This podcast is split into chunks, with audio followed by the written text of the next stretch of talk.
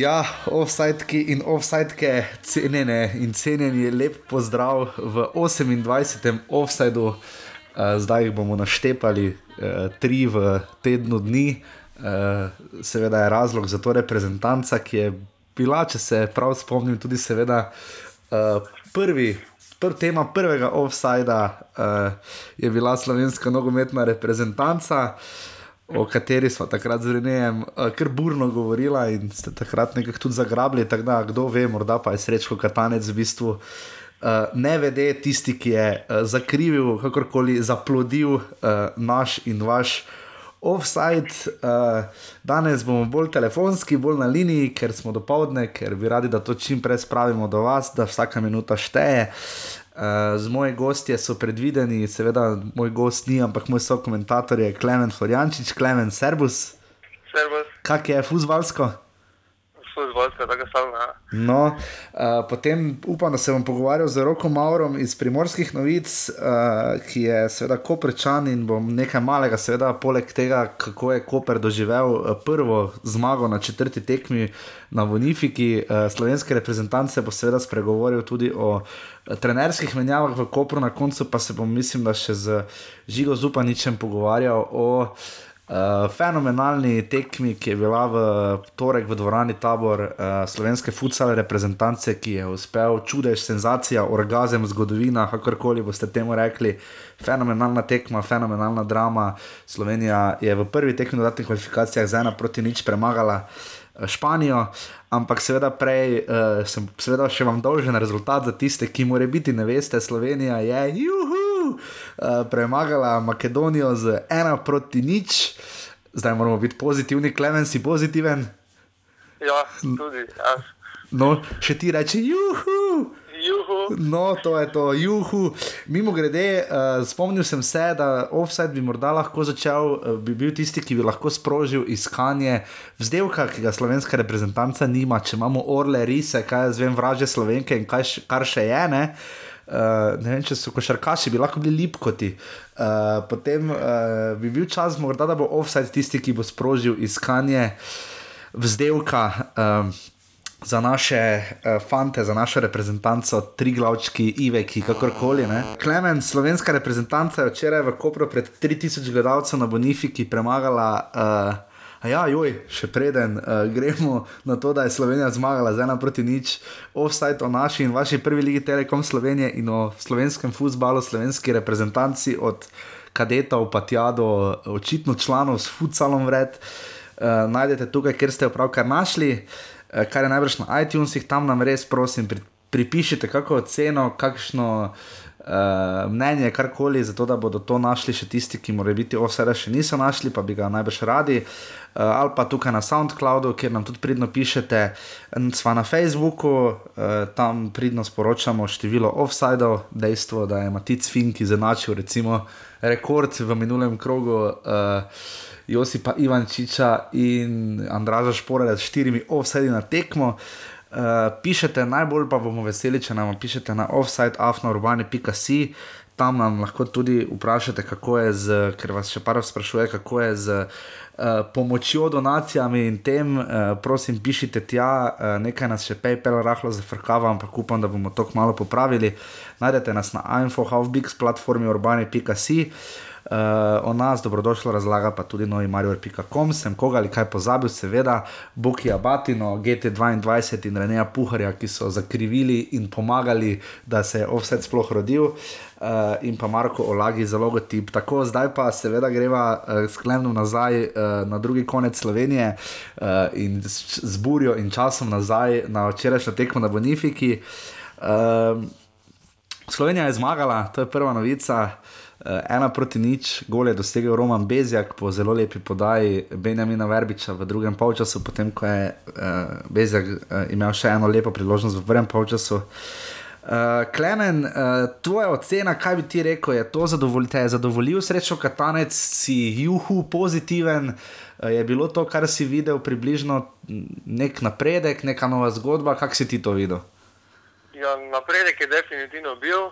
Jaz sem pričakoval malo večjo zmago, glede na ranking Makedonije. Uh, mislim, da je Makedonija bila zadnja v skupini C, uh, še Luksemburg je bil uh, pred njimi. Uh -huh. um, pričakoval sem malo večjo zmago, uh, je pa ena taka črna točka mi tiste menjave, no, uh, Katanca, ki so pač, jaz bi ponudil pač drugačnim uh, mlajšim reprezentantom, nekim še debitantom. Ja, saj je, saj je, saj jih je uporabo pet, ne? Kako? Saj je uporabo pet uh, novincev, ne? Ja, ampak vseeno, eh, ta, mislim, Kirem Novakovič, uh, Birsa, da oni v teh teh 60-70 minut dobijo priložnost, da dela to, da Črnic, uh, naprimer, ni dobil priložnosti, Luka Krajc ni dobil, Stojanovič Petar ni dobil priložnost. Enostavno tem igralcem bi jaz na taki tekmi ponudil priložnost, glede na to, da igramo v ponedeljek z neprimerno močnejšo ekipo, mm uh, za Severno Irsko v gosteh, uh, oni so bili v njihovi skupini prvi, direktno vrščeni, so tudi na rankingu boljši, um, tako da nekako je to edino me je bilo negativno presenetilo. Um, Klemen je imel, uh, dame in gospodje, uh, to srečo, da je seveda prvi polčas izpustil, uh, ker je bil uh, trenažno zadržan. Uh, tako da mislim, da Klemen, uh, lahko ti vsi skupaj povemo, da veliko nisi zamudil, uh, razen da smo ugotovili, da Bojan Jokič nikoli ne bo napadalec. Ne? Uh, tako da Bojan Jokič je seveda imel včeraj uh, gigantsko priložnost v prvem polčasu, takšno, ki bi res lahko uh, ponudila kaj več, uh, lahko bi se nadejali zadetka uh, drugega gola Bojana Jokiča za slovensko reprezentanco, enega je že zabil. Ampak uh, ja, greva kar mogoče po vrsti, tako kot je taktično postavil uh, srečo Katanec našo reprezentanco proti, kot si sam rekel. Uh, Makedoniji, ki seveda ni nek vrhunski tekmec, to ni Makedonija, ki, nas, ki je Slovenijo na zadnje premagala, ko je uh, tik preden je odpeketal Slaviša Stojanovič, ampak je to neka druga Makedonija, pa vendar ne. Uh, ok, Jan Oblak uh, dela praktično ni imel, čeprav so Makedonci imeli štiri strele. Ne? Uh, vsi so šli bolj ali manj v njega, Jan Oblak je seveda nesporni vratar številka ena, um, tako da o njem težko kaj rečeva. Ne? Ja, mislim pa, da nima nekih resnih, resnih težav pri branjenju, ni bilo niti nekih resnih strelov. Bo pa tu nastal problem uh, pri drugem vratarju. Uh, lani je bil tu penjava oblaka na največjo, tukaj pa sta dva, ki sta tako rečeno neizkušena slovenski vratarci v primeru kartona poškodb, pa bo tu malo malo svoj dilema, kdo so drugi gol manjeno. Ja, kar pa še ironično je to, da sta tako vidmar, ne vidmar kot vidbelec starejša od Jana Oblaka. Uh, ja. uh, še to pa vrhu, ampak dobro, seveda tudi srečo Katanec je rekel, kakšno vprašanje, ko je uh, prišlo vprašanje o tem. Ali je Jan Oblak prvi golman. Uh, potem pa je zložil obrambo srečo Katanec uh, v sistemu 4-3-3, ki to vse za moj okus sploh ni bil, ne? ampak o tem morda malo kasneje. Uh, um, na levo stran je seveda dal Bojana Jokiča, ker smo tu odrezani, uh, kastrirani, kakorkoli uh, že v ligi, tudi dol po mladinskih selekcijah je kar kriza. Ne? Se je odločil za Bojana Jokiča, tu menjave nima, zanimivo bo videti, kaj bo, ko bo enkrat Bojan Jokič manjkal ali zaradi poškodbe ali zaradi rumenih kartonov, pa ne da bi si to jaz želel, bog ne daj, ampak uh, tu bi seveda Andraža. Ja, bo igral Andraž Struna. Ne? Ja, Andraž Struna, ki tokrat eh, priložnosti, kaj mislim, da ni dobil. Ne? Ni dobil. Uh, ni dobil priložnosti, čakaj, da vidim, kje so te menjave, da, ker jih je teh šest menjav. Uh, potem je seveda na Štoperja dal uh, Boštjana Cesarja, ki je zelo suvereno odigral, mislim, da Boštjan Cesar. V tej nehipsterski podobi, brada je šla že pred časom dol, uh, je seveda kapetansko odigral, kot se spodobi, in mislim, da je uh, uh, z naskokom najboljši veteran v reprezentanci. Ne? Uh, tu nekih dilem ni, pa je imel. Uh, Aljaš struna je imel pa kar precejšnje težave z Goranom Pandevom v prvem polčasu. Uh, tu se vidi, da ne, ne razumem jaz, zakaj eksperimenti, zakaj eksperimenti na tako ključni poziciji kot je Štoper, ne, ne pa recimo na, ne bom rekel, da ni ključna pozicija desno krilo, ne, ampak uh, tako kot se je naprej razdelilo, aha, Iličič 45 minut, Birsa 45 minut, tisto, tisto je zacementirano, igrati se pa s pozicijami kot so štoperi. Ne? Pa ne vem, koliko je tu uh, smiselno. V drugem času je potem samo reči, Miral, samo reči, vstopil. Uh, kaj ti misliš, Klemen, sodeč po videnem, oziroma po občutku, po prebranem, uh, samo reči ali ali jaz struna, poleg cesarja proti Severni Irski? Um, mislim, da je tu že problem pri, pri poklicu. Uh, že ne vem, da Anželkovič ni poklican, ki v svojem klubu igra na tej poziciji, na kateri poziciji struna, ki sta v enakem klubu ne igra. Uh, tako da že to je meni bilo presenetljivo, da pa še struna igral v prvi postavi na tej poziciji, pa je bilo malo čudno. Mislim, da bo, mislim, da bo samo Žič igral v, v, v paru z cesarjem no, na, na naslednjih tekmah. Ja, ampak zanimivo, ne vem, bomo videli. No, se, mislim, da srečo katanec se ponovadi teh prvih postav vse veš, kak ne, kar drži. Ne.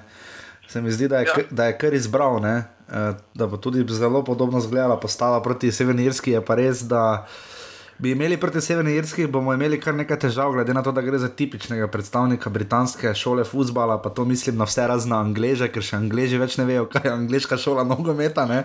odkar imajo tako malo angležev v svoji prvi ligi, ampak vendar uh, na desnem si pa samo menil Nate Skubic. Ne? Uh, ne smemo pozabiti, ne? Nate Skubic ima uh, minutažo uh, v Ligi Prvakov. Zbral je 90 minut za Ocelul Galati v porazu z Benfico, zdaj že pa kar nekaj pet let nazaj. Ne? Ampak vendar je na klopi ostal Petar Stojanovič. Uh, Srečo Katanec je po tekmi govoril, da je problem, da ni bilo igre v širino. Malo je igra na način Maribora spominjala le, da uh, Maribor zna samo preko boko igrati. ne.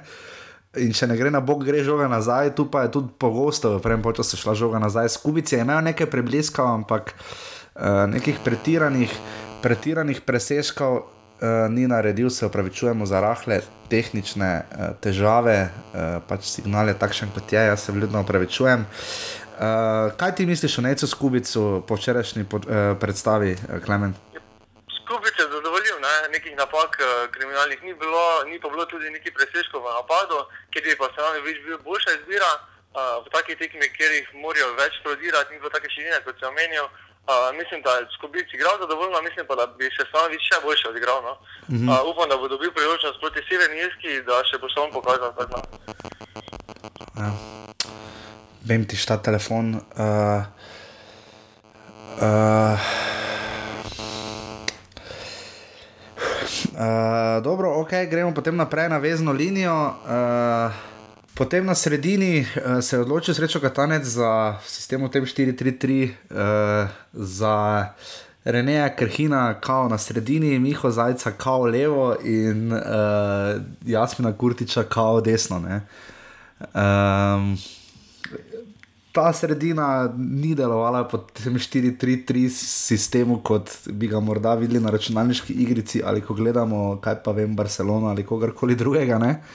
Ja. Uh, je delovalo precej bolj zaprto, bolj Kurtič pa Krhin sta precej blizu skupaj stala. ne. Uh, Ja, taka, ja, lahko je z dvema, pa en zajec pred njima. Ne? Ja, bolje je tako izgledalo, bolje je izgledalo to 4-2-3-1 sistem kot karkoli drugega, uh, kot 4-3-3, kakorkoli. No, ampak uh, povedal je srečo Katanec, da je bil zelo, zelo zadovoljen z. Da je odlično tekmo odigral Rene Krhin. Uh, jaz mislim, da Rene Krhin kakšne resne kvalifikacijske tekme ne bi dočakal do konca, ker bi bil izključen. Ker je v štarte vidno zamujal, uh, pa tudi njegova gibljivost. Jaz mislim, da kolikor ima pregled nad igro v smislu podajih, pa zagotovo nima, zamuja v štarte in uh, malo ima težav z gibanjem na sredini. No, to se vse meni zdelo. Um, ja, videlo pa se je v tej sredini, da nima pomoči Kampla. Uh, enako, enako takšno 4-2-2 so igrali v Ukrajini, v gosteh. Uh -huh. uh, ko se je videl, kako je Kampl hodil globoko po žogo in igraval. Uh, tukaj pa se znano vidi, da so igrali drugačno, kljub temu, da je bil kot zgleda plan 4-3-3, igra tako ni izgledala. No? In tu je tudi Krhini moral igrati drugače. Uh, igrala sta v paru z Kurtičem, uh, kar pa bo, po mojem bo drugače izgledalo, ko bo se vrnil Kampl. Ja, ampak zdaj pač pustimo zdaj, ne, zdaj Kampel se bo vrnil, ko se bo vrnil, verjetno niti ne proti Švedom, ne, uh, Maja, tako da uh, je pač vse, če katanec se more znajti s tem, kar ima. Uh, Jasmin Kurtič, njegove napadalne lastnosti so rahlo vprašljive, kot sicer v obrambnih nalogah dokaj soliden, ne, ampak se mi zdi, da je tukaj seveda Miha Zajc bil tisti, ki je skušal nekako povezati napad in obrambo. Ne. Uh, mogoče je bila ta taktika celo, čeprav je bila napadalna v, svojo, v svoji biti, v svoji osnovni filozofiji, uh, morda je tu malo pretežko bilo povezati napad, uh, obrambo, sredino in napad, ne. uh, sploh v prvem polčasu. Uh, Miha Zajc je. Do, dobro, dokazal je, da še vedno gola ne zna dati, ne, ne da ga ne zna, pač trenutno mu to ne gre. Je enkrat lepo poskusil v drugem polčasu, uh, ampak v vsakem primeru je Uh, Miha Zajec, mislim, da on ni bil tako impresioniran, kot je to želel predstaviti srečo Katanec. Uh, kaj ti misliš? Vprašanje. Vprašanje, če je bil tako impresioniran, mislim, da igra pač v začetku ni stekla. Uh, bilo je tudi premalo treningov, kar nekaj novincev, na novo, neka nova reprezentanca. Ja, mislim pa, da Zajec v celotno uh, je odigral v 87 minutah dobro tekmo. Uh, je pa tukaj se vprašanje postavlja, koliko menjave pa imamo v tej sredini, sploh uh, menjav ostalih igralcev. Uh, vidimo, da so vsi, kateri so vezisti, so neki napadalno usmerjeni, neke menjave za Karhina pa enostavno ni, no, Ja. pa še za Kurtice. Absolutno drži, absolutno drži. Uh, potem je v napadu pač Miha Zajce res gibal, užival je v tekmi, en redkih, no pa tudi ni se, uh, želel je naprej z žogo, približno vedel je, kaj bi rad ne, z žogo naredil že v prvem času in potem je to v drugem vse malo nadgradil. Dokler ga, dokler ga ni potem zamenjal, uh, tik pred koncem, je ne Jelenič, še en novinec. V napadu, oziroma pač v, v zgornji fazi, pa so dobili priložnost. Uh, Josip Piličič, Benjamin Verbič in pa Roman Bezjak. Eh, Slednja sta potem z, skupaj zrežirala gol, zelo lep, ampak zanimivo, da Verbiča v prvem času skoraj da nismo videli. Ne? Uh, praktično ga ni bilo, Jaz mislim, da še le potem proti koncu počasa ugotovil, koliko ima sploh številko, uh, ker ga res ni bilo nikjer, Bezjak je pa imel eno priložnost. Veliko žoge je imel Josip Piličič, dokler je igral, uh, to je treba povedati. Uh, je bil zagotovo dovzeten, borben, željan igre, uh, željan dvoboja z Makedonci, ampak nekako ima ta sindrom, da ko vzame žogo, potem mogoče ima malo predolgo v nogah no, za, za tip igralca, za tip. Taktike, kot jo premore Slovenija. Ne. Potem ga je pa Walter Birsa zamenjal. Kaj si ti videl, Birso? Meni se zdi, da je kar imel dobro tekmo. No. Uh, ja, mislim, da bo ta, ta Birsa Piličič uh, je odigrala tako kot proti Ukrajini, oba uh, istočasno, oba vsak na svoji strani. Uh, mislim, da Verbič uh, v, v prihodnjih kvalifikacijah toliko priložnosti v prvi postavi ne bo dobil. Kar je škoda, če se mene vpraša. Nekaj tanec je spomnil, da je dal Iličiča in Birsa skupaj proti Švici. Ne? Uh, jaz tiste tekme ne bi ravno izpostavljal kot skrajno dobro tekmo. Ne? Ja, um, ja Verbič se ni toliko vlovil, v- je pa potem na koncu podal za zadetek. ne. Uh, vseeno je začel uh, to dvojno podajo z Bezjakom, ki pa je Bezjak tudi dobro odigral, ima nekaj priložnosti, na koncu ga je celo uh, zamenjal Novakovič za 20 minut, kar je pa meni presenečenje. No. Mene je Nasploh že, že presenečen je bil Kirm, da ni dobil če niz priložnosti. Um, enostavno, enostavno tudi Virsa pa, uh, pa ili čisto si razvila minutažo, kar po besedah no, selektorja nista sposobna odigrati 90 minut. Mm. To, to mene tudi preseneča. No. Tudi mene delno, uh, bolje te menjave, ki si jih omenjal, ne, uh, Bezjaka smo seveda že omenili, mislim, Roman Bezjak je za- zabil zadetek. Uh, Je trenutno nesporni prvi napadalec Slovenije ob poškodbi uh, Roberta Beriča, Andraža Šporer lahko omenjamo mi, srečo Katanec pa ne, zato ker je na njega brutalno pozabo proti Ukrajini, kar se je potem poznalo v Ljudskem vrtu, malo heca, malo za res. Uh, Roman Bezek je seveda dal zelo lep gol, uh, pokazal je, da ima karakter. Fant je zelo, zelo je pri stvari, fant, ne? mislim, da že jaz pravim fant. Uh, zelo je pri stvari, zelo borben, zelo predan, zelo fokusiran. Ne? Ja, mislim pa, da bo tudi z, z Beričem bo ta napad zelo zanimiv. Mislim, da se bo tudi iz- izmenjavala, ko se bo Berič vrnil. Je pa Bezjak eh, definitivno uh, osvežitev za ekipo. Uh, proti Ukrajini ni bil v prvem planu, bil je naknadno poklican, igral v prvi postavi, takrat se je izkazal in zdaj enostavno ostal v, v reprezentanci, celo v prvi postavi. No. Ja. Glede na to, da so težave v napadu, je naš edini pravi rec- recimo, napad, napadalec trenutno.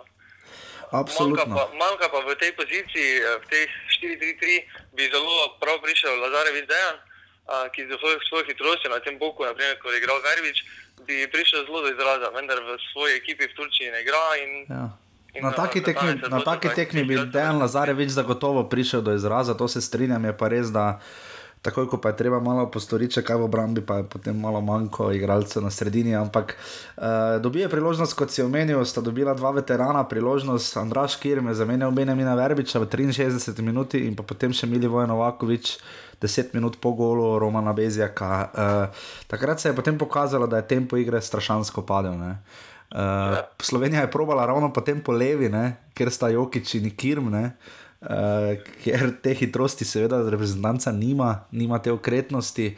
In uh, se strinjam, ja, uh, tudi ko je potem Jelenič dobil na koncu priložnost, se je zelo lepo videlo, Matica Črnica je pokazala kamera, ne hote, uh, kaj si je, njegov pogled je povedal vse, kaj si je o tej menjavi mislil, ne? to pač, da ni dobil sam priložnosti. Ne? Uh, kar se mi zdi malo, malo se mi zdi nenavadno. No. Uh, ne to, da Matic Črnic ni igral, nisem jaz za to advokat Matica Črnica, ampak zdi se mi vendarle. Uh, da bi lahko še ponudil ravno na taki tekmi še komu morda priložnost reči, katanec. Ne? Seveda, to je bila tekma proti slabšemu nasprotniku, spominjala me je na tekmo proti Rozaru, ko smo tudi na koncu prišli do spoznanja, da mogoče to ni pravi pokazatelj, da smo igrali proti slabšemu nasprotniku. Uh, enostavno tukaj enako, um, igrali bomo bo, v ponedeljek proti težjemu nasprotniku in tam še manj pričakujem, da bo Črnici oziroma podvodni, kjer zdaj niso bili priložnost dobili. Na tistih tekmah bi pričakoval bolj izkušene na tej tekmi v takšni situaciji pa enostavno bi pričakoval, da se čim več novim uh, obrazom ponudi priložnost, da se vidi, kaj pokaže, kaj, kaj zmorejo. Ne pa samo, da so na enem ali dveh treningih zraven v situacijah, nekih, da lahko odigrajo odigra trening tekme. Ja, srečo Katarec je govoril o mehanizmih, ki jih ni v, trenutno v reprezentanci. Govoril je pač o teh mehanizmih, ki bi nekako sprožili igro, premaknili žogo v napad in tako naprej. Ne.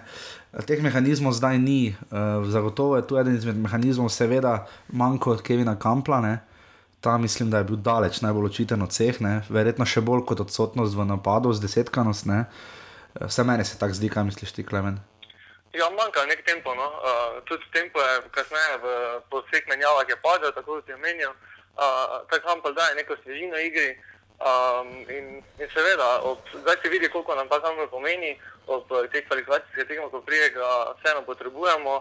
Uh, in, uh, težko smo znašli brez njega v tej postavitvi. No. Je pa tudi res, da je ta tekma pokazala, kaj bi se zgodilo, recimo, če bi v naši kvalifikacijski skupini Angleži in Škoti pohrustali kamplane in bi tudi, če bi kampli igral. Uh, če bi ga recimo zelo onemogočili, kako odrezana bi bila igra Slovenije, vse kar se tiče premika žoge iz obrambe v napad. Uh, zagotovo pač tekma, ki je ne bomo zapomnili, po kdo ve, kako gledljivem futbalu. Uh, tekma, ki je ponudila seveda en gol, nekaj strela, ampak nekega silno gledljivega nogometa seveda ni bilo. Uh, Eh, povrhu je pa še fejs pihala burja in ob tej burji je malo nenavadno, glede na to, da večina teh igralcev slovenskih je kdaj igrala v Kopru. Ne?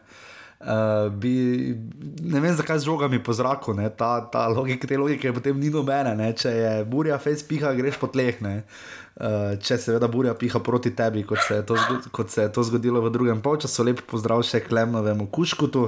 Je pa zanimivo, da so obi ekipi sploh igrali takšno, takšno igro, kot se je rekel pri burji.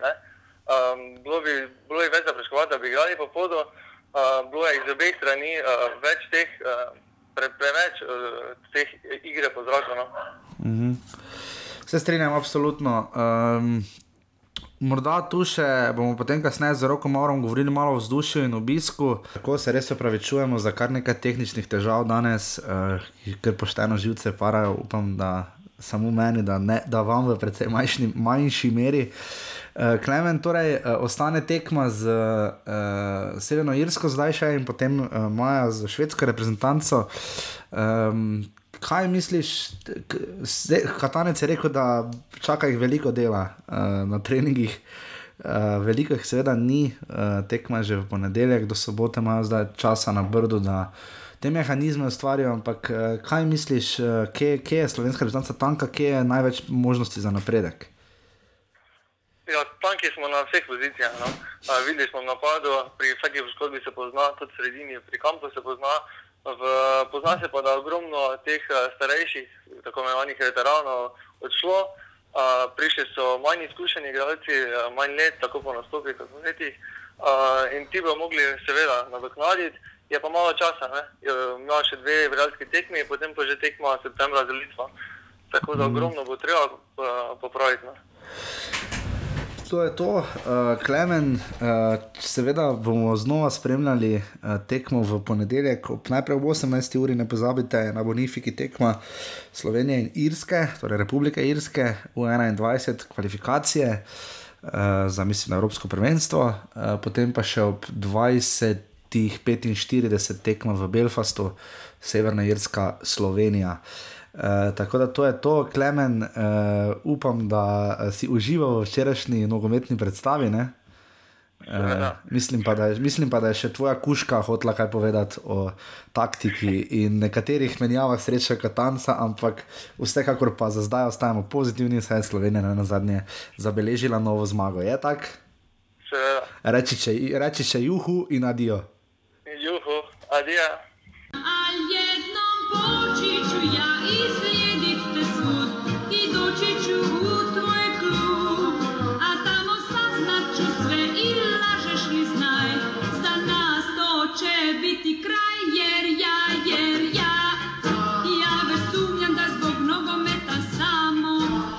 Tako, uh, prvič v offsajdu, uh, mož, ki je zagotovo uh, najbolj prepoznaven športni novinar.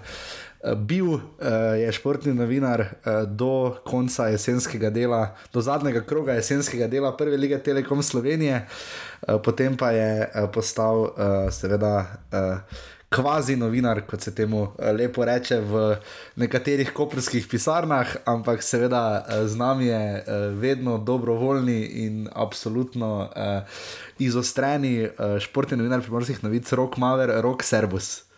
Lep pozdrav, servus, kot pravite vi. Ja, kot pravimo mi. Uh, Rok, uh, Koper je včeraj četrtič, mislim, da gostil tekme slovenske reprezentance in končno je prvič. Uh, Padla kakšna reprezentanca, res da Makedonija ni Urugvaj, ne, za Diegom Forlanom, ja. ampak uh, vendarle je Bonifika končno uh, dočakala to zmago. Uh, Nekako je Koper to, ta neutralni teren, ne, ki ga NZS izbira in za prijateljske tekme, in za recimo finale pokala. Ne. Uh, Ja, je tu je zanimivo. Je tu Koper v bistvu uh, ta uh, nekak uh, arbitrarne trojane? Ne? ja, ne vem, ne vem, če je, ne, ker je eh, v bistvu je precej oddaljen, ni nekje vmes. Ne, recimo celje bi bilo mogoče malo bolj Mhm. idealno, glede na to, da tudi v celju ni prav neke prave nogometne vročice ali nogometne euforije, tako kot jo ni v Kopru. No, ampak vroče je vseeno bilo, nek, kar nekajkrat letos v koprski sezoni, do tega še pridemo. Ampak uh, NZS se je res potrudila za promocijo uh, novega dresa, ne? Uh, o katerem Ja. je sicer, mislim, da bilo včeraj še najmanj govora, med in po tekmi slovenske reprezentance. V Luku Koper so šli fanti, uh, tudi imeli trening dan prej tam. Uh, je, je bil mogoče občutek malo bolj dobrodošel kot tisti na Brdu pri Kranju, ta veš. Uh, Mediteranski melo, smorje, uh, ful lepo vreme z 100 km burjo. Uh, kak, kak, je, kak je, ko reprezentanca pride v Koper? E, Veš, kako je Jaša, Zdaj, če se dotakneva predstavitve dresa. Uh -huh. uh, če bi bil mogoče malo bolj reklamiran, bi se zbralo tudi malo več kibicev zraven. Bi, ne, bilo, ja. je zelo, ne uh -huh. bilo je zelo malo ljudi.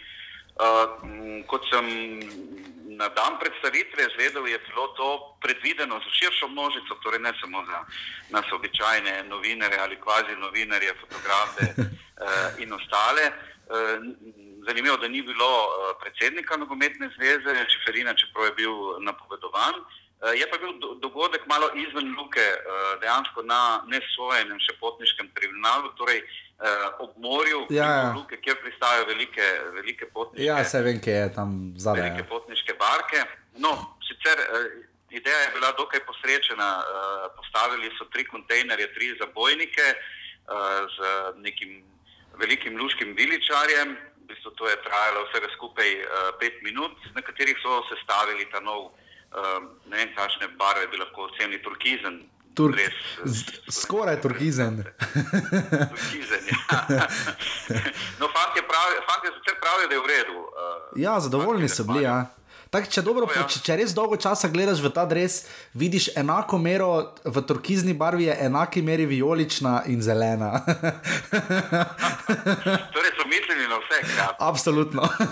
na, na, na obe eh, glavni uh, rivalski skupini, bi lahko rekli, oba glavna rivalska kluba v, v Sloveniji in predvsem kluba, ki imata neko uh, navijaško množico. Ne? Mm. Torej, z Mariborskim mislim, da se niti Olimpija trenutno ne more še kosati, glede na obisk ne, na mm -hmm. tekmah, ampak se tudi v Ljubljani uh, vzdušje dviga. Ampak če se vrnem mogoče na ta, na ta dogodek. Uh, nekako vse zamisel je bila simpatična, ampak premalo ljudi, premalo odziva. Premalo odziva je bilo. Jaz mislim, da, da tekma eh, na sami obali, oziroma v slovenski istri na primorskem, je bila bolj malo reklamirana. Tako da me je včeraj obisk kar pre, pozitivno presenetil. Ja, zdaj, eh, v Kopru zdaj poznamo, da kar se tiče prve lige, eh, osebna izkaznica in greš na stadion brezplačno. Ne? Eh, če si seveda. več. Ne več. Ne več. A ne več, no potem je tako bilo jeseni. eh, Hudič je skrit v podrobnostih. To je bilo do tekme z Gorico, do primorskega derbija. Aha. Ampak kaj na veliko niso oglaševali, torej zdaj, če hočeš uh, zastoj na tekmo, uh -huh. uh, morajo prebivalci mestne občine Koper enostavno v klub po neko klubsko izkaznico in s to imajo potem prost dostop. Če pa ne, potem pa morajo plačati, tako kot vsi ostali, 10 evrov stopnine. Aha. No, to je zanimivo slišati. Ampak ja, obisk je bil uh, kar dober. Uh, mislim, da sem videl transparent 12. kopra, ne? Tada, uh, za golom, kjer je sicer bil še največji prepih, kar se tiče uh, praznih sedežev. Ne? Uh, kakšno je tu tvoje, morda stališče glede te uh, neposrečene, razpadle zgodbe Združenih slovenskih navijačev? Ne? Vendar Aleksandru Čeferinu ne more biti ponos, da uh, se na tekmi bolj sliši par Makedoncev, ki skandirajo Makedonija, Makedonija. Ne? Uh, Navijanja včeraj praktično ni bilo, ne? pa seveda uh, daleč od tega, to ne gre v prvi vrsti na račun Kopra, ne? daleč od tega. Ne, ne, ne. Ampak kako kak, kak bi si ti to razlagal, uh, kje je tu problem? Ne? Tu dejstvo, da Aleksandr Čeferin pogosto, vsega tudi na futsal tekmi ni bilo, kar bi bil mogoče opravičljiv razlog, ne? vsaj jaz ga nisem videl no, v dvorani tabor v torek, ampak. Uh, Uh, kaj ti misliš, kaj bi tu bil razlog, kako kak, kak naj se Aleksandr Čeferin vendarle približa navijačem? Ne? Uh, ne vem. Zdaj vprašanje je, kako sploh razmišlja Aleksandr Čeferin, kakšen konkreten stik ima on bolj neposredno z, kako bi rekel, navadnimi smrtniki, navadnimi navijači, glede na to, da je bolj v pisarnah, da se bolj ukvarja z elito tudi v svojem poklicu. Um, nekaj bi bilo zagotovo potrebno narediti, ker tega recimo v drugih državah ni, ni takih problemov. Ne. Tam se pač navijači združijo, vse ni važno, če pogledam čez sosedom, kjer sem najbližje, ne, se pač med prvenstvom se uh, interisti, juventini, milanisti mm -hmm. pa romanisti, pa navijači Napolija se dobesedno sovražijo, ampak ko igra reprezentanca, so, so vsi skupaj. Zdaj, zakaj se v Sloveniji tega ne da? Ne da narediti, uh, res nisem doslej neki bolj podrobno razmišljal, ampak uh, če se mogoče dotaknem vzdušja v Kopru, prišli so navijači tudi iz drugih delov Slovenije, uh -huh. ampak vendarle večina je bila z našega konca, torej iz primorskega konca. Uh, in prav včeraj sem se pogovarjal s par starimi uh, nogometnimi navijači še iz časov uh, stare Jugoslavije. In ti pravijo, da je pač to tako. Če bi bilo nogometno vzdušje na obali, na primorskem, boljše, če bi bili klubi boljši, če bi bilo stanje tako, kot je treba, bi bilo zagotovo tudi na reprezentančni tekmi. Tako pa ljudje pridejo že na reprezentančno tekmo nekako, nekako apatični in eh, pač uskliknejo, kričijo, ko je kakšna lepa akcija ali pa ko je padel gol Bezjaka, ampak vse ostalo je bilo pa res. Ja, ja, ampak zanimivo je, da podobno je bilo tudi, tudi delno v Stožicah in Ljudskem vrtu. Ne? Pustimo zdaj, če tekmo z Ukrajino ali pa recimo tekmo z Anglijo, ampak recimo žvižgalo se na tekmi z Litvo. Ne? Uh, v Stožicah, uh, tudi v Ljudskem vrtu, nekako potem vzdušje je seveda padlo, ko so Ukrajinci dali tisti gol. Um, Nekako tu, ne, potem pa še izjave sreča Katanca, kot je tista, da Miha Zajc ni navaden, da mora iti nazaj po lastno žogo, ki jo izgubi. Zdaj, s tem je Katanec skoraj da povedal, kot da kaj v slovenski ligi ti žogo nazaj podajo. ali Kaj, ne vem, ne razumem. Ne. Ta njegov dvolično, dihotomen odnos, ki ga vzpostavlja do slovenske lige. Ne. Uh, ja. Še eno leto nazaj, igralci niso bili dovolj dobri, da igrajo. Ne. Andraža Šporar niti poklical ni proti Ukrajini. Ne. Uh, zdaj Miha Zajec igra v prvi postavi, skoraj da večji del tekme. Ne. Uh, Kako si to ti razlagaš?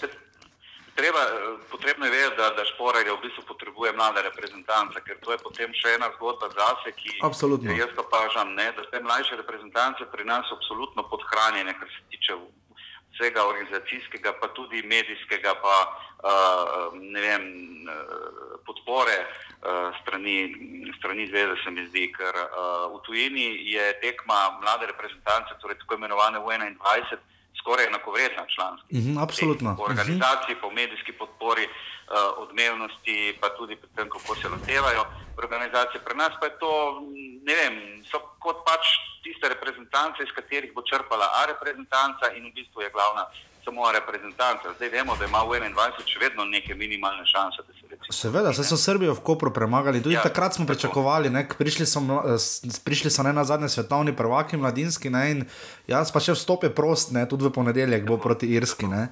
Uh, tako, mislim, mislim, da je uh, prav Srečko Krtane z nekaterimi svojimi izjavami tudi obrnil navijače proti. Nedvomno, zdi se mi, da, da nekako um, tudi te igralce, ki jih je zdaj povabil reprezentanco, nekako, ne bom rekel zviška, ampak malce jih podcenjuje. No. Ni ravno prepričan v njih in to mislim, da tudi fanti malo, malo čutijo. Vse sicer včeraj so se trudili, da bi se dokazali, mislim, da so bili prav ti uh, novinci neka sveža kri na igrišču, kolikor sem uspel uh, gledati tekmo, ker nažalost včeraj nisem mogel uh, gledati uh, celotne, tekme, ampak uh, samo vzdušje okoli reprezentance v zadnjih dveh, treh letih ni ravno najboljše in pač to ljudi tudi odvrača. Vsi ljudje niso neumni, ljudje zdaj vidijo, si ustvarijo sliko in pač uh, ne, moreš, ne moreš jih enostavno prepričati ali obrniti, da zdaj pa je to fantastična zgodba, wow, če pa vidijo, da, da nekaj Če pa je rok, če pa tega mi ne vidimo, tega mi ne vidimo, ja. mi igramo najboljši nogomet.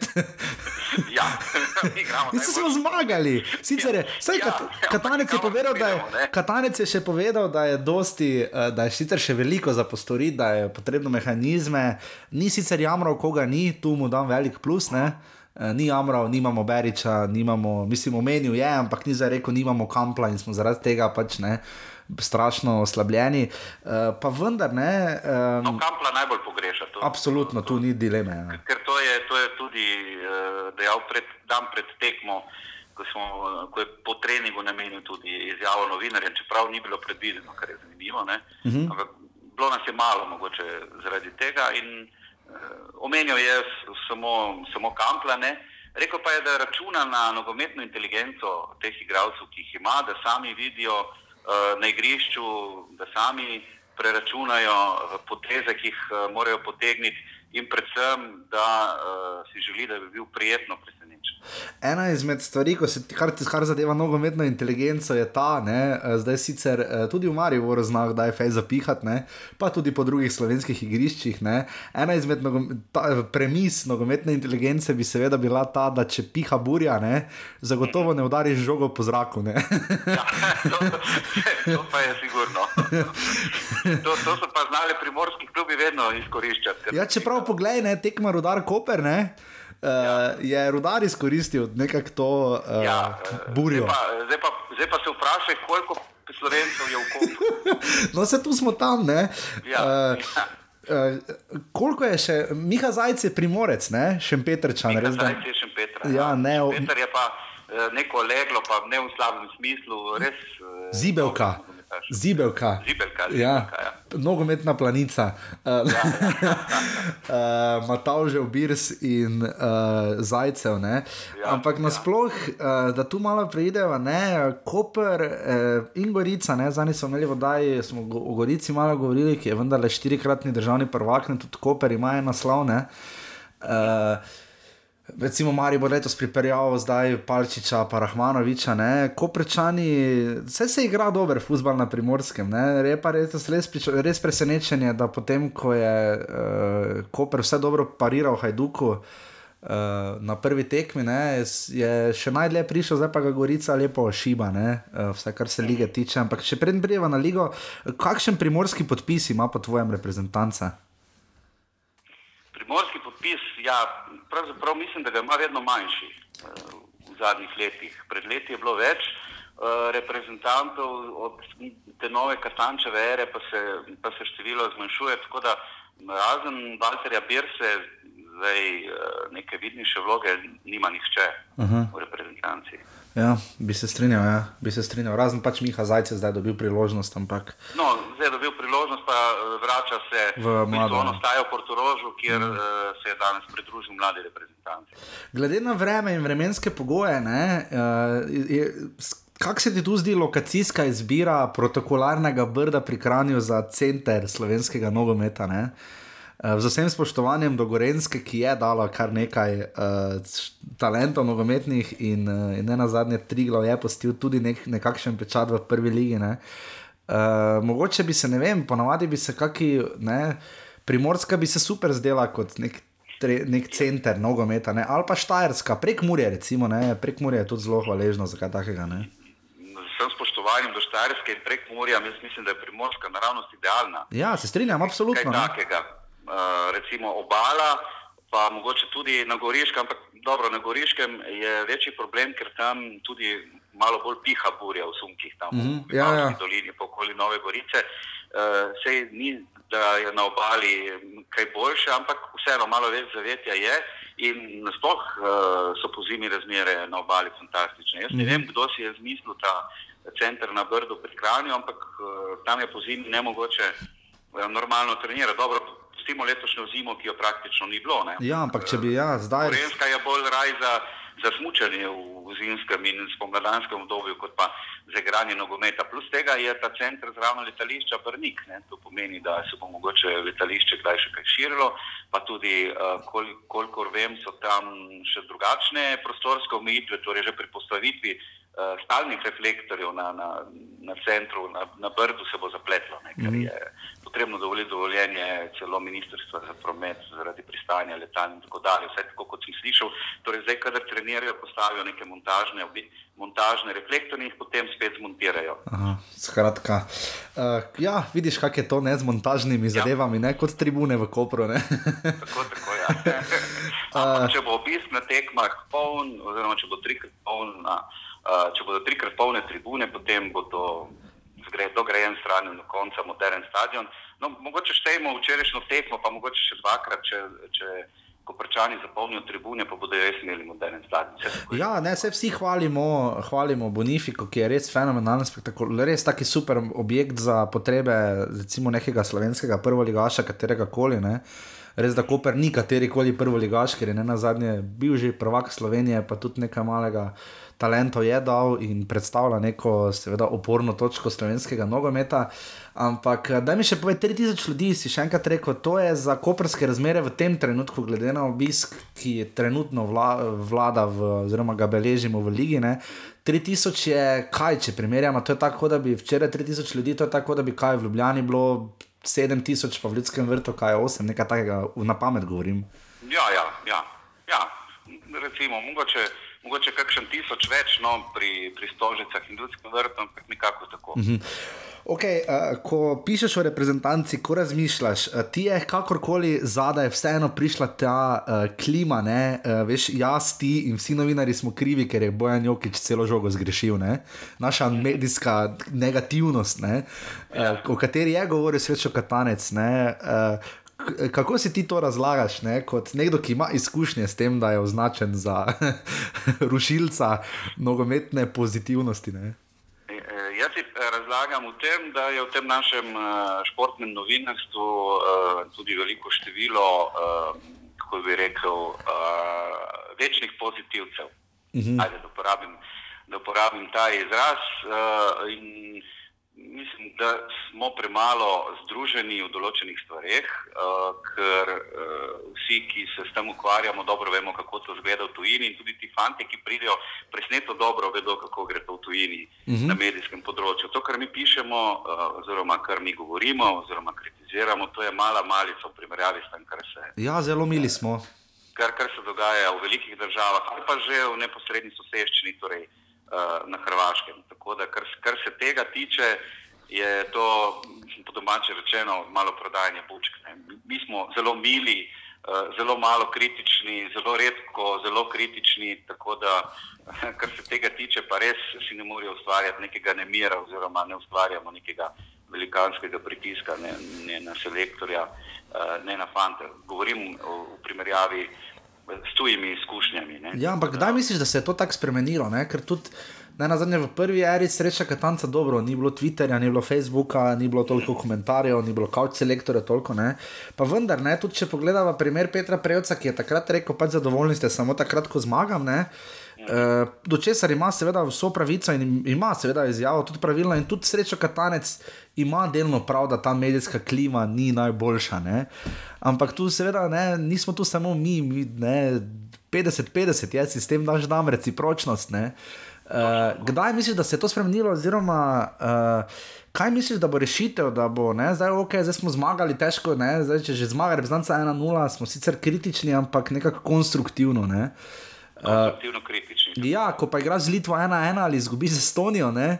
Uh, ko gre pa še za točke po vrhu in za kvalifikacije, je pa potem malo problem. Uh, Kako ti vidiš to metamorfozo in vendarle medijsko preobrazbo srečka Katanca? Ma on res problem, da ni prebolel šmarne gore?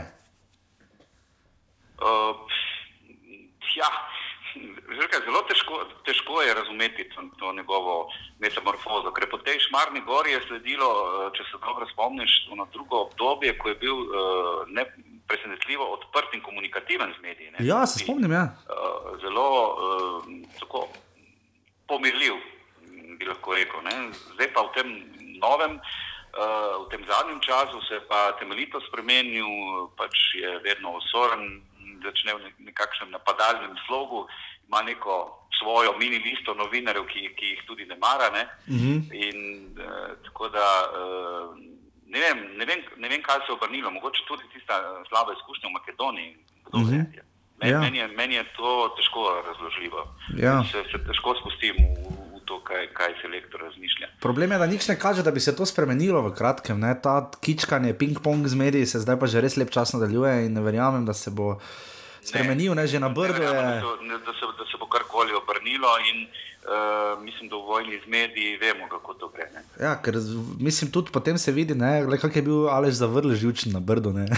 prenese, se ta, prenese se ta živčnost eh, potem na vse deležnike. Ne. Hvala Bogu, se ne prenese na tiste, na- ki so najbolj pomembni v tem sistemu, igravci. Hvala Bogu, ne še ne. Pa, pa mislim, da so, uh, mislim, da so fantje dokaj sproščeni. Absolutno. Zdaj uh, sem poslovil del te stare generacije. Vsaj te dva dni, ko- sem jaz preživel zdaj pač uh, na teh dveh treningih, uh, se mi zdi, da je veliko večja sproščenost, pa veliko večja odprtost tudi teh fantov do, do, do medijev. Ja, se strinjam. Mislim, to, ko sem videl izjave, se mi zdi tudi, da uh, se je ta, pa tudi igra, ne, ne na zadnje verbič se je v drugem času spustil, zajec je letel po igrišču, ne, skubice skušal imeti neke prebliske, ne, dobro, malo manj prebliske je imel. Ali jaš struna za Goranom Pandevom, ne, uh, ki mu je delo kar precejšnje preglavice. Uh, Pa vendar, um, uh, rok, uh, tvoje pričakovanja, zdaj še Severna Irska, pa Švedi, pa niso tekmeci, kjer bi sprobavali uh, na takih ključnih štoperskih pozicijah. Uh, se naprej zmenili 45 minut, tebi 45 minut, meni.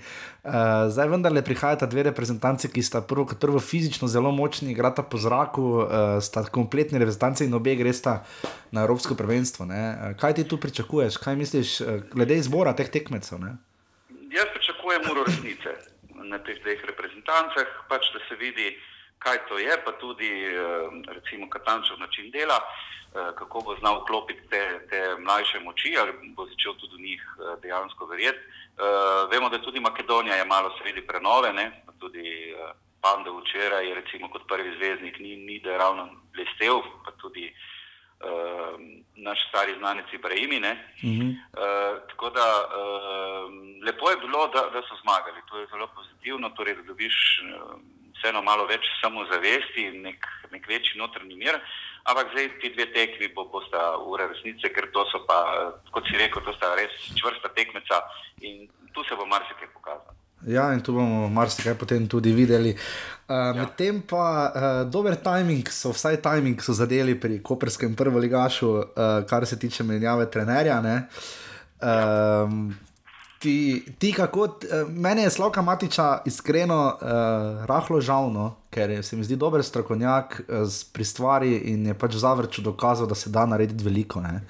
Ja. Uh, premagal Maribor Olimpijo. Kdo pa pravi, da se ne vrača v zavrč? No, sej, hvala Bogu, če se bo vrnil. Ne? eh, Glede na to, da uh, Ivica Solomon je si komaj kožo rešil v, zdaj v zadnjem krogu za zmago. Ne? Ampak uh, čisto iskreno, glede na menjavo grba, tiskovne konference, uh, uh, slikanje z mladimi nogometaši, uh, predstavljanje gradiva, ko je bil župan mladi nogometaš. Uh, skratka, Koper se je resno predstavil, Boris Popovič ima velike ambicije, mislim, da je vzel neko srednjo pot med Mirom Vukom in Zlatkom Zahovičem. Ne? Uh, z rahlim ščepcem Milana Mandariča, ki ga seveda dobro pozna. Uh, um, Iskreno, jaz sem pričakoval, da bo uh, Petkovič ponudil res kakšna velika imena, pa ne mislim zdaj uh, Murinja, ne, ampak mislim, da, ven, da bi se vse kičkal, ne vem, Šimunča, Pušni, kaj jaz vem. Ne. Uh, da, da bo tu ne, na koncu pa ne, Milano Vradovič. Ne. Uh, kako ti razumeš to odločitev? Ne to, da je Matič šel, pa že to nam prosim malo razloži, ampak tudi potem to, zakaj je potem Milano Vradovič dobil možnost prvega trenerja.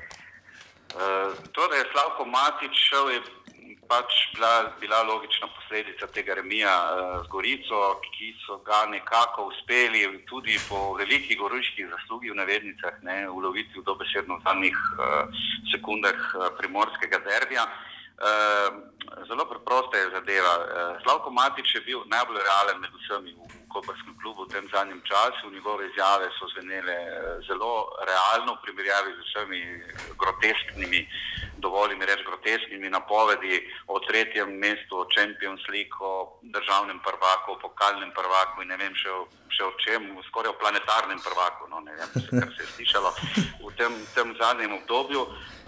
Ti pripelješ 18 novih igralcev, med katerimi ni nekih uh, zvenečih imen in ki jih uh, nekaterih sploh ne najdeš na, na recimo na Wikipediji ne, ali pa na nekih uh, bolj preprostih uh, športnih straneh. In potem pričakuješ, da boš ti kar naenkrat naredil čudež. To, to je bilo vsem jasno. Jaz mislim, da je tudi to Slavko, Mati, Slavko Matiču bilo jasno, tudi Dušelu Petkoviču, športnemu direktorju. Ne? Ampak ko ti napoveduješ eh, ne vem kakšne uspehe, ne moreš reči, ja, zdaj potrebujem čas. Čista, čista logika je, da ti potrebuješ ogromno časa za igravanje teh igralcev. Ob tem si ti imel samo sedem pripravljalnih tekem, ne? še te eh, praktično vse skrite od, od oči slovenske javnosti, razen tiste s Crveno zvezdo, ne, ki pa je bila tudi za zaprtimi vrati. In rezultat, tako kot je, je logičen. In tudi logična je odločitev, da bo uh, Matiča nasledil Milan Obradovič, njegov mm. pomočnik, ki ima sicer za sabo lepo nogometno kariero, igral tudi v reprezentanci uh, bivše Zvezdne republike Jugoslavije.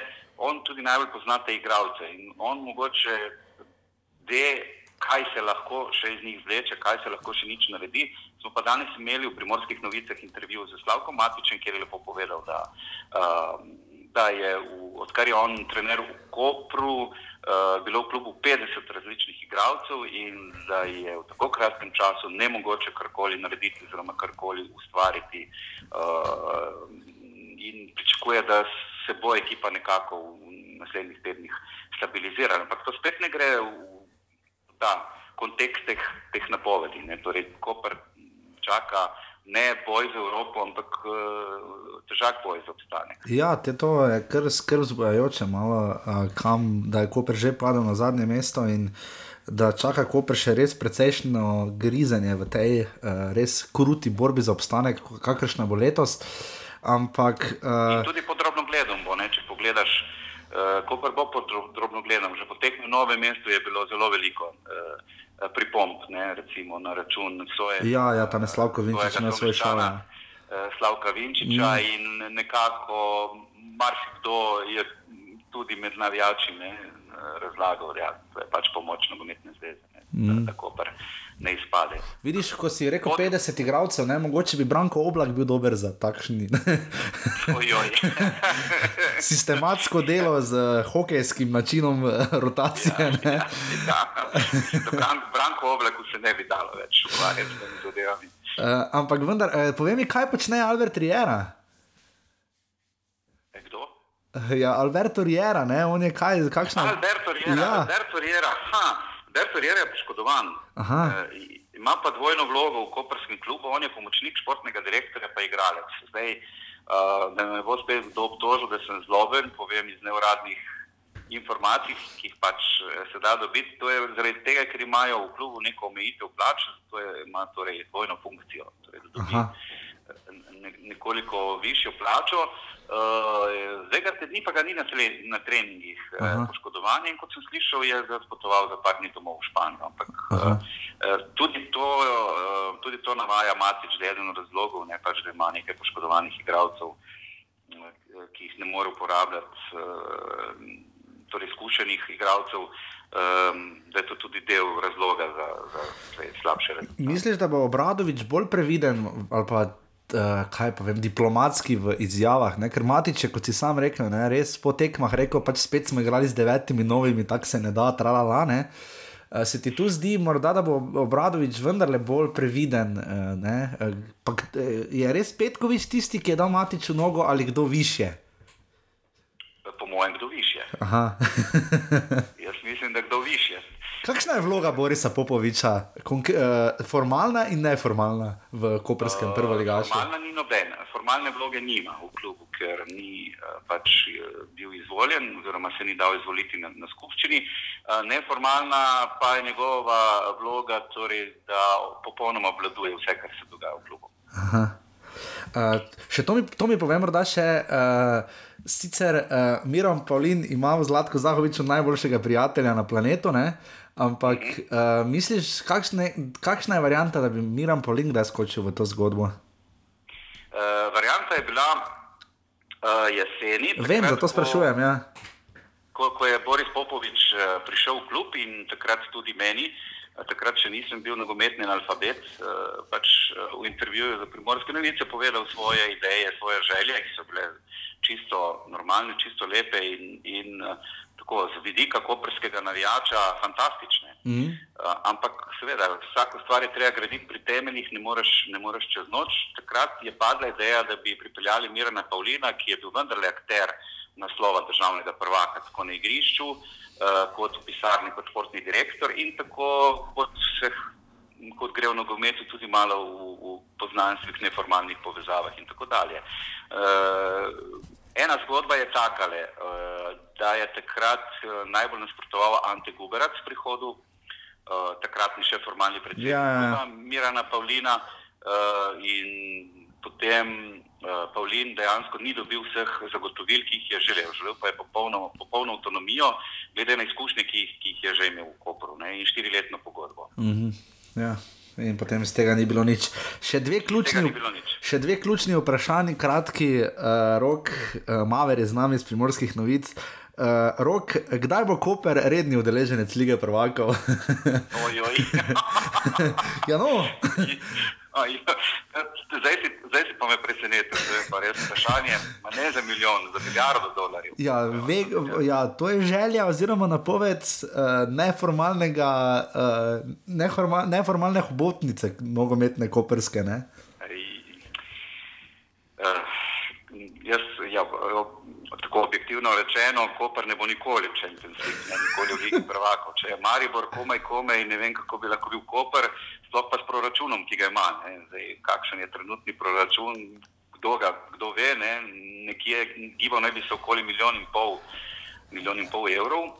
Uh, s tem, da je potrebno vedeti, da je potrebno Milanu Mandariču še pol milijona izplačati, kar naj bi naredili tudi z temi prestopi, ki so se zgodili, torej s polovico denarja od prestopov, polovica ostane Kopru, polovica ne bi šla uh, Mandariču. Uh, zdaj, uh, Popovič je na tiskovni konferenci v predstavitvi povedal, da uh, naj bi oni ta denar nabrali s prodajo igralcev, da, da so pač določeni igralci v klubu, ki so vredni nekaj milijonov evrov. Torej, to, to naj bi bil. To naj bi, bil, naj bi bila ta finančna osnova. Uh -huh. pa, uh -huh. Bomo videli. Ne? In, in pa še najbolj pomembno vprašanje vseh vprašanj, če bi tam po promenadi mimo Bonifike uh, šla po levi strani uh, Boris Popovič in po desni Damir Skomina, kdo bi požel več pozornosti? Ta pa tudi dobra. ne vem, res ne vem, kdo bi požil več pozornosti. E, po mojem, Boris Popovič. Boris Popovič, ampak Damir Skomina je uh, tak. Uh, Joj, ne bom tega povedal. On, No, povej. pač rad se ima, ne, uh, ponosen je na to, kar je Ja, naredil ja, v karieri. ja, rad si ima. Do, do, veš, kaj povej tudi ti, ne, če, že, če že mene siliš, da bom potem dobil spet kakšen filmček. Veš, imam, pri, imam pripravljeno, ja. Ja. Jaz imam pripravljeno sliko svojo, ko sem igral za mladinski pogon enega Maribora. imam tudi jaz materijale. dobra, dobra, Jaša. Misliš, da v Mariboru imajo shranjeno v arhivu, da si igral? Mislim, da ja, morali bi imeti. Ali so te zbrisali? ne vem. Ne, eh, no, če se dotaknemo mogoče skobine. Uh, jaz mislim, da je skobina edini sodnik slovenske lige, ki mu nogometaši verjamejo, kako je piska. ne. Sam ga pa ne, ja, verjamejo mu ga, pa skoraj da več nihče ne mara, ne. on pa njih ne. Ja. Saj, L- eh, lahko- čuj, lahko mu verjamejo, lahko mu ne verjamejo, ampak eh, jaz mislim, da je on najbolj realen. Je, je res, uh, kot si rekel, da se ima rad, ampak mislim, da je v mlajših letih bilo to še veliko huje, kot je zdaj. to znajo vsi povedati, tisti, ki so. Človek s časom dozori, pa uh, se tudi kakšno stvar nauči. Je imel tudi on svoje uh, uspone in palce, predvsem v nogometni Evropi, ker ne gre to tako preprosto kot pri nas, ne? ampak jaz mislim, da je vseeno zelo dober, pravzaprav odličen sodnik. Rok še to mi samo pove, letos bo finale pokala spet v Kopru. Ne? Uh, kar je letos malo nenavadno, zato ker so vsi štirje klubi prihajajo iz vzhodnega dela Slovenije, ki so polfinalisti. Ne? Mogoče Ja, tudi neko to je nerazumljivo. To, mislim, razumem iskanje nega- neutralnega terena, če bi se nogometna zveza po vzoru UEFA odločila in prestavila finale na soboto, ne, potem bi to bil zelo lep izlet v Koper za vse. Ne, v konec, je. konec maja, lepo vreme, gremo. Ne. Če je pa to v sredo, ne, pa zna biti malo problematično. Uh, kaj ima Koper od tega, oziroma zakaj, zakaj NZS tako strajno rine v Koper? Ne? Se boji slabega obiska v Stožicah ali Ljudskem vrtu ali v celju ali ne?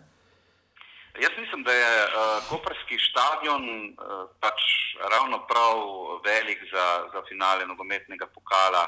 Um, sploh če ni recimo uh, velikega derbija Olimpija Maribor v finalu, ne, kar se tudi letos ne bo zgodil. Ne. Uh, in verjetno je, so Stožice, pa celje in uh, Maribor preveliki stadioni in pač ne bi bilo lepo, da recimo na finalu pokala vidiš toliko praznih mest. Ja. so rajše, rajše zbrali Koper, zapolniš to veliko betonsko tribuno, ki sprejme 2200 gledalcev in imaš lepo kuliso, tako kot je bila lani recimo na finalu med Koprom in Celjem. Lani je bilo zelo fajn. Ja. Ja, še 200 celskih navijačev je, je prišlo, ki so tudi navijali. Pa tudi Maribor Gorica je bilo zelo, zelo super vzdušje. Ja, presenetljivo. Takrat je bilo presenetljivo tudi to, koliko navijačev je takrat prišlo z Gorice, z Nove Gorice, Ja. okolice, glede na to, da je bila ekipa več ali manj italijanska. Ne, Ja. spomniš. Massimo še, ampak Coda, ja. Je bilo res dobro vzdušje. Ja. Mm. Torej, če, če sem prav razumel, pa k- načrti, da bi Koper dokončal, da bi Bonifika dobila še betonsko verzijo na svoji drugi strani in potem kaj kapaciteto okrog 4500-5000, ne? Eh, ti- Osem. 8000. Ja. In kdaj se bo to zgodilo?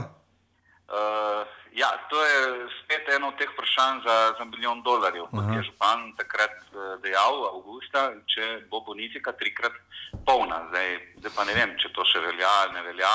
Uh, odvisno, kakšni bodo klubski, klubski rezultati, koliko denarja bo v koprskem proračunu, v mestnem proračunu, uh, ali bo mogoče kakšen privatnik pripravljen vlagati v, v ta objekt. Veš, Tu je, tu je toliko, toliko vprašanj, koliko možnih odgovorov. Rok, ampak potem veš, da če bo 8000 kapaciteta Bonifike, ne, potem veš, da bo pokal, finale pokala Slovenije v Izoli ali pa v Beltincih. Ja. No, Fizovski stadion bi bil tudi lep, samo malo prenove potrebuje. Ja, evo, to, še, to je pa postfestum vprašanje. Uh, Tolmin je tisti, ki zastopa primorske barve, ne? v drugi, Pa, ligi, v drugi ligi pa ne, pa dobro. Ne? Uh, kaj, je, uh, kaj je s primorjem in izolo? ne? Uh, Morje. E, ta, ja, Izola, Izola se dejansko takrat, ko je v Izoli gostovala Benfica, Ja. ni uspela več pobrati. mm, Tam je problem, problem Izole je, da je njihovo gospodarstvo praktično izumrlo. Ne, tako, uh, Dosti huje je kot recimo pri vas Mariboru, ki je bilo industrijsko mesto. Ne. ja, Koper je pohrustal. Ja.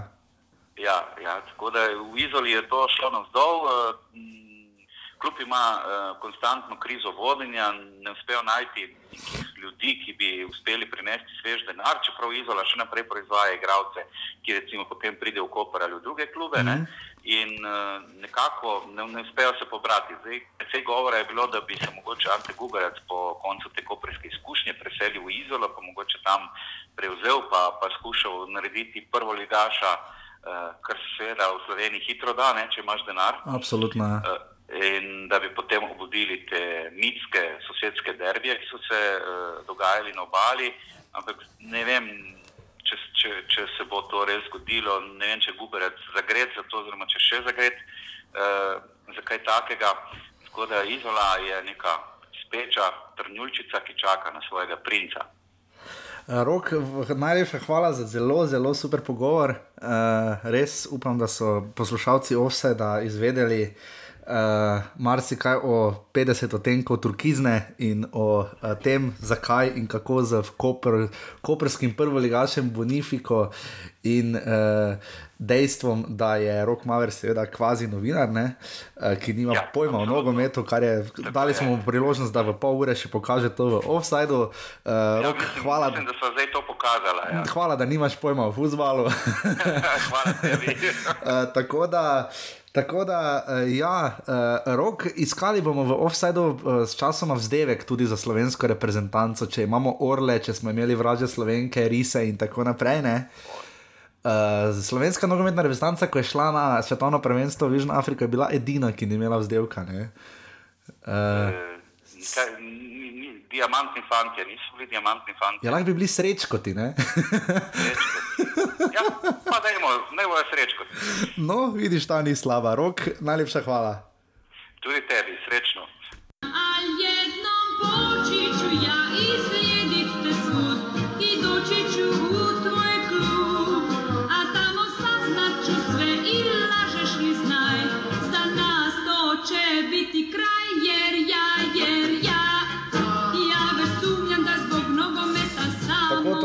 Moj zadnji gost, to je bil Rok Maler, eh, moj zadnji gost, oziroma zadnji gost offsajda moj. Eh, Zadnji gost offsajda pa bo Žiga Zupanič, eh, futsal navdušenec, ki je za urbani.si kar sam od sebe poslal eh, napoved, eh, ki je prišla zelo prav vsem tistim, ki smo šli v torek v dvorano tabor in videli. Uh, predstavljajte si uh, gol Mileta Čimoviča, mladena Rudonje in Nejca Pečnika hkrati v enem, ne? Uh, in potem fašete to, kar je uspelo Alenu Fetiču. ne. Uh, Vrhunska tekma, ne? uh, tu ni dileme. Uh, futsal je taki zanimiv šport, ne? ker uh, je in ni futbal. Ne? Uh, tako da smo nekako videli, uh, res, videli smo pa hkrati najboljše, kar premore uh, slovenski uh, nogomet. Ne? In uh, je res bil fenomenalen večer v dvorani Tabor. Uh, vzdušje je sprva mogoče malo zadržano, ker smo vsi skupaj čakali, kdaj bodo Španci začeli, seveda, nabijati uh, našo mrežo. Ne? Ampak uh, žiga, ti si bil na tehmi. Ne? Ja, sem bil na tekmi, ja. mislim, da sem gledal glih kontra tebe, oziroma Aha. tremer v dvorane, da lahko narisali. Uh, ti bolj spremljaš uh, futsal, uh, ki seveda ni mali futbal, to se strinjamo. Ne? Uh, je, Pa ni več, ne, zadnji deset let, recimo, da ni več. ne. ja, je bolj dvoranski nogomet, se temu lepo reče. Ne? Uh, ampak kaj bi ti rekel, koliko res tako realno gledano, koliko je to res uspeh? Res da je to šele prva tekma dodatnih kvalifikacij za svetovno prvenstvo, ki bo letos v Kolumbiji. Ampak vseeno, kako velik uspeh je to za slovensko futsal reprezentanco? Ne? To je ogromen, ogromen, res ogromen uspeh eh, naših futsalerjev. Ne samo gledano, tudi če se ne bomo zdaj uvrstili na svetovno prvenstvo, ne, ker eh, realno gledano zdaj je tekma v Španiji. Vem, jaz bi pripisal, da imamo trenutno zdaj s tem rezultatom recimo 15 do 20 možnosti, da se uvrstimo na, na svetovno prvenstvo v Kolumbiji, ampak to je res zelo velik rezultat za, za, za slovenski futsal. Tega nasprotnika še nismo uspeli premagati. Po mojem, do zdaj je bil največji skalp eh, portugalskem eh, prijateljski tekme, ne, mislim, da dve ali tri leta nazaj. Uh -huh. Eh, pa da se sploh ne zavedamo v javnosti, kakšne uspehe. To, to je mogoče primerljivo z, eh, kaj pa vem, s čem. Ja, tako sem jaz Z- napisal, da bi kot Maribor premagal bi Bars- košarke recimo premagali eh, ameriško reprezentanco, mogoče malo manj. No. Ali pa da bi en Kamarij premagal najboljše skupaj, kar premoreta Barcelona in Real. ne. Uh, Ja, recimo. Ja. recimo, mislim, ker ti Ja, španci recimo, so ja. prvo kot prvo profesionalci, čisto vsi od prvega do zadnjega, od tega dobro živijo. Zraven so imeli 13-člansko spremljevalno osebje, kondicijskega trenerja, dva, ki sta bojda žoge pobirala, pa delala verjetno še kaj. Skratka, španci so res krem de la krem. Uh, Tega športa so sedemkratni evropski in dvakratni svetovni prvaki, osem let niso bojda izgubili niti ene tekme, dokler niso prišli v Ja, ja, torek. po, po rednem delu. ja. Po rednem delu do torka Po niso, rednem delu. Ja. Ja, niso izgubili tekme na Evropskem prvenstvu v Srbiji, so gladko prišli do naslova in vse premagali, vse za dva gola. Ne? Uh, kjer je Ja. naša reprezentanca, ampak tu mi malo pove, naša reprezentanca je pokazala dva dobra polčasa v Beogradu, potem pa dvakrat zelo hitro, zaradi pomankanja rotacije uh, in kadra, seveda, izgubila zelo visoko in za Srbijo in za Portugalsko. Ne? Ampak povej mi, kje je tu takšen napredek, zakaj je Slovenija tako ekspresno šla iz evra in potem po drugi strani premagala Španijo? Ne? Ja, po eni strani zaradi tega, ker eh, se tudi v slovenskih in vseh tujih klubih se tempirajo forme za teh klubih, ki naši igrajo za ta čas. Zato, ker se recimo v slovenski ligi, s katero mislim, da je prihajalo 9 ali 10 reprezentantov, zdaj poteka končnica, to je četrt finale in zdaj morajo biti v najboljši formi igralci. Drugo, drugo, ni bilo potovanja, ni bilo toliko trema naših igralcev, pa uh, vratarja, ki sta na Evropskem prvenstvu vsak zbral, vsak je bral na eno tekmo, je bral Ajan Morde, drugo je bral Damir Puškar, sta vsak po en polčas na vsaki tekmi v redu branila, ne? Ja. Zdaj pa je Damir Puškar res bil kot pajek, je bil ne vem 19 bran, to je res. Ja, ogromno, ne. to, kar smo Za- videli že- Mislim, z naskokom, brez, brez debate je bil igralec tekme. ne. Igralec tekme, poleg seveda Alena Fetiča, ki je zmogel. Ekipni gol je bil, ne morda je skočil čez žogo, čujec se je. Ne? Se je omaknil, on pa je lepo zabil pod prečko. Ja. Pod Malo je prečko. presenetil španskega golmana. Ja. Pa je to bilo to. Ne. Španski golman Pako Sedano je samo pomahal, hvala lepa na svidenje. Uh, potem pa smo videli res drugi polčas, kjer so Španci, igra na en gol, kjer so Španci zažgali slovenski gol, kot je rekel se, slovenski selektor Dobovičnik, da je gol gorel 6 minut. ne. Uh, Ja, naš. Je tu Buškar res ponudil fenomenalne obrambe in potem še boljšo izjavo, da se bo vsega tega zavedal šele ob sedmih zjutraj v službi, ko bo že na svojem delovnem mestu, ker pač večina slovenskih nogometašev, razen štirih, ki igrajo v tujini, ne, eh, so bolj ali manj vsi redno zaposleni, hodijo v službe in je za njih to. Več kot le sanje si predstavljam. ne. Kaj je za tebe kot navijača, oziroma kot nekdo, ki futsal to spremlja, ne? kako orgasmično je to bilo? Ne? Po mojem mnenju, da niti ni bilo tako orgazmično, zato ker smo.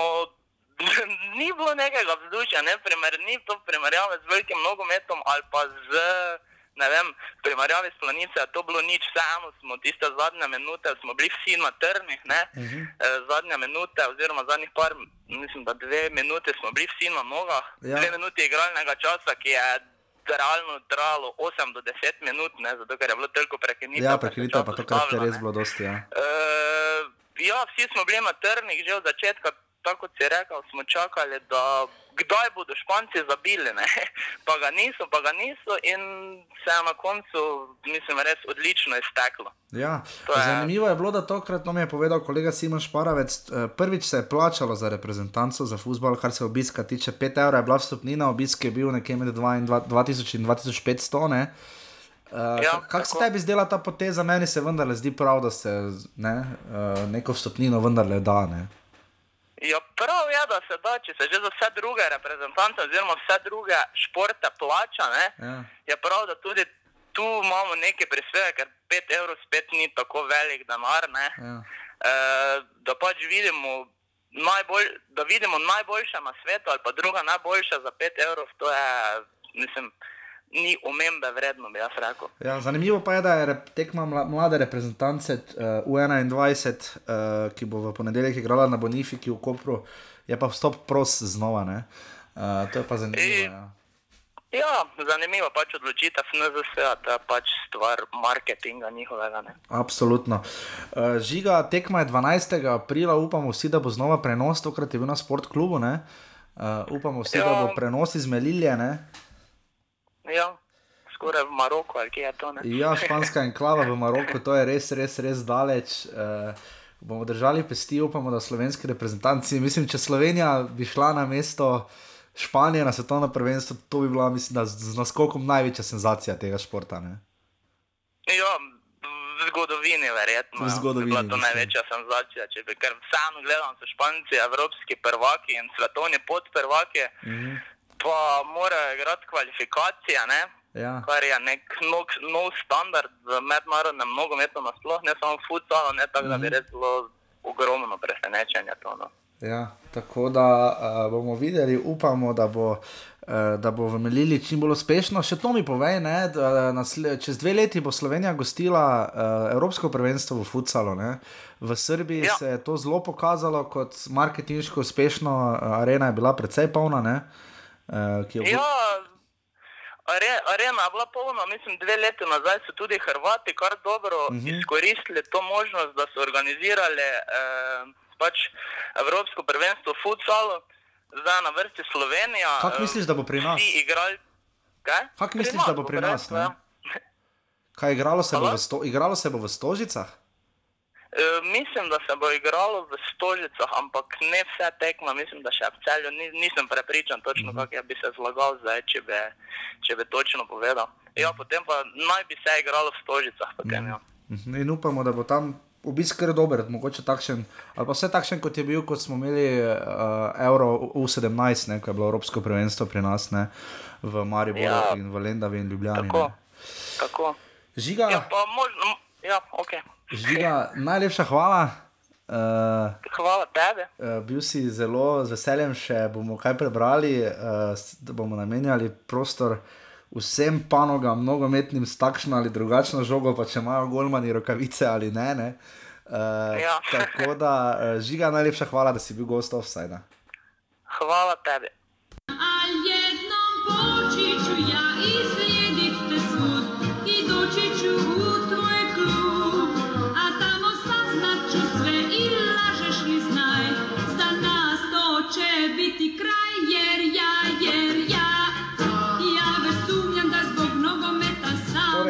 Bil, ti svake uh, kaj, kje smo popodne 28. ideš offside. Uh, hvala vsem, da ste poslušali še enkrat opravičilo za nekaj tehničnih težav na začetku v pogovoru s Klemnom. Uh, Rok mislim, da je bil res uh, iber, iber izčrpen, uh, povedal marsikaj, tako reprezentanci kot o vzdušju in vsem, kar pritiče koperskemu prvoligašu FC Luka Koper. Uh, kot se mislim, da kljub mora uradno imenovati, tako so, tako mislim, je vse, mislim, da navodilo. Um, ob tem pa ja, povedal bi še samo to, da kaj sem vam še dolžen, dolžen sem vam uh, stalne rubrike, uh, ki se niso tako več sprijele, kot sem vedno upal, da se bodo, ampak uh, vendarle. Rumene, rumeni karton, tokrat uh, bi jaz vendarle dal srečo Katancu, tako je za začetek, ko je odrinil kamero. Uh, to je vendarle delo novinarjev, uh, vsi pač radi, pač gledalci radi vidimo, kako izgleda klop, kakšen je selektor. In to velja tudi seveda za makedonskega selektorja, ki je seveda snemanje kamere čisto mirno pospremil in je pač to nekaj standardnega. In, Uh, mislim, da bi tam lahko srečo Katanec vendarle malo razumel tudi delo medijev, katerimi, o, od katerih sam po eni strani toliko pričakuje. Ne. Rdeči karton uh, bi pa vendarle dali uh, mogoče vzdušju v Kopru, pa to ne gre toliko na rovaš Kopru, kot, sem, kot je povedal že sam Rok, čeprav so otvorili večji del uh, občestva na Bonifiki. Uh, vzdušje vendarle res ni bilo. Ni bilo spodbudno, atmosfera na igrišču je bila čisto spremljiva, ok, fanti so bili, kot je rekel Katanec, zelo pri stvari, tu kvečemu pohvale, absolutno, ampak uh, navijanje pa res je nekaj, kar je vsaj za me, pa najbrž tudi za Klemna, res zelo manjkalo. Uh, včasih je na stadionih za pol manj ljudi, uh, v prvi ligi Telekom Slovenije vzdušje vendarle boljše. Je pa res, uh, da v Kopru se počasi šele sestavlja ta nova navijaška skupina, ki je včeraj, torej, mislim, tam bila za golom. Uh, in uh, upamo, da bo uh, na naslednji tekmi, uh, kjerkoli in kadarkoli že ta bo, uh, domači, ker uh, zdaj bomo igrali z Severnoirsko v gosteh in mislim, da tudi za Švedi v Malmeju. Uh, upam, da bo potem naslednja domača tekma uh, ta kolektivna želja naroda, ki se je pokazala v planici, vendarle dočakala tudi svoj uh, nek nogometni moment, ki ga zdaj pa že res dolgo ni bilo, vse odkar se je četa Matjaža Keko vrstila na stano prvenstvo, heroji. Heroji kroga bi pa seveda bili čisto vsi člani slovenske futsal reprezentance, še enkrat pubeci, res čestitke, ste junaki. Ne glede na to, kaj bo v Melili uh, igrati, tako tekmo, tako organizirano, skrbno, predano, vražje, uh, fetiče, šel v nogo, dobil karton, ne boga v Španiji, takšna tekma je to bila. Tako da uh, res sem hvala. Še enkrat, uh, karkoli nam lahko pišete na offsetafnorbani.com tudi kar se podpore tiče, da bomo potem, ko se zdaj liga nadalj, nadalj, nadaljuje eh, po reprezentančnem premoru, prva liga Telekom Slovenije se nadaljuje 1., 2. in 3. aprila. Na veliko nočni ponedeljek, v ponedeljek je torej tekmo Severno Irsko, mi se pa znova slišimo o torek, upam, da bomo našli še kakšne super goste. Uh, uh, offside se trudi za to, da uh, gremo vsi skupaj v to nogometno sfer in upam, da smo vsi juhu pomagali našim srečkotom, uh, kot je današnji vzdevek za slovenske, za člane vseh slovenskih reprezentanc. Ne pozabite, tudi mladi eh, igrajo v. Ponedeljek ob 6. na Bonifiki, ob 20.45 pa Slovenija, Severna Irska v Belfastu. Tako da to je bil offside. Če se slučajno znajdete v offsideu, bog ne daj ne biti na buri. Ciao, addio.